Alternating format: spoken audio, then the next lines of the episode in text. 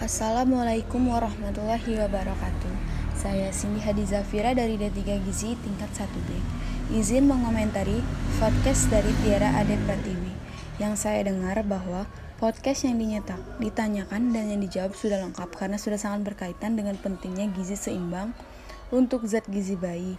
Dan kesimpulan yang saya dapat bahwa Bayi butuh menu beragam agar pola makan bayi hidup sehat untuk masa yang akan datang. Kebutuhan nutrisi bayi berubah saat dia tumbuh, maka makanannya pun juga membutuhkan variasi. Pentingnya variasi makanan sangat mempengaruhi nafsu makan. Untuk menjamin makanan utama dan makanan penutup sudah memenuhi menunya seperti contohnya nasi, sayur, dan buah-buahan.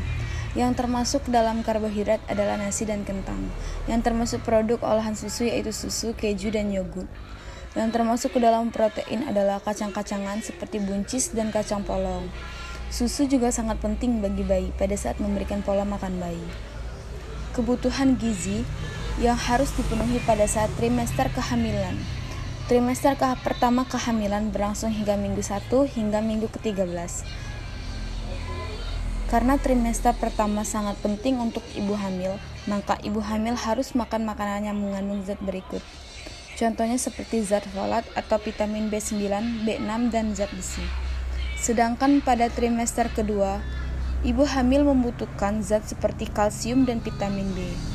Dan pada saat trimester ketiga, kebutuhan zat seperti zat karbohidrat, vitamin B dan vitamin K juga sangat diperlukan dalam proses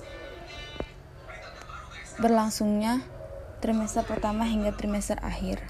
Itu saja yang dapat saya sampaikan. Jika ada salah saya mohon maaf, pada Allah saya mohon ampun.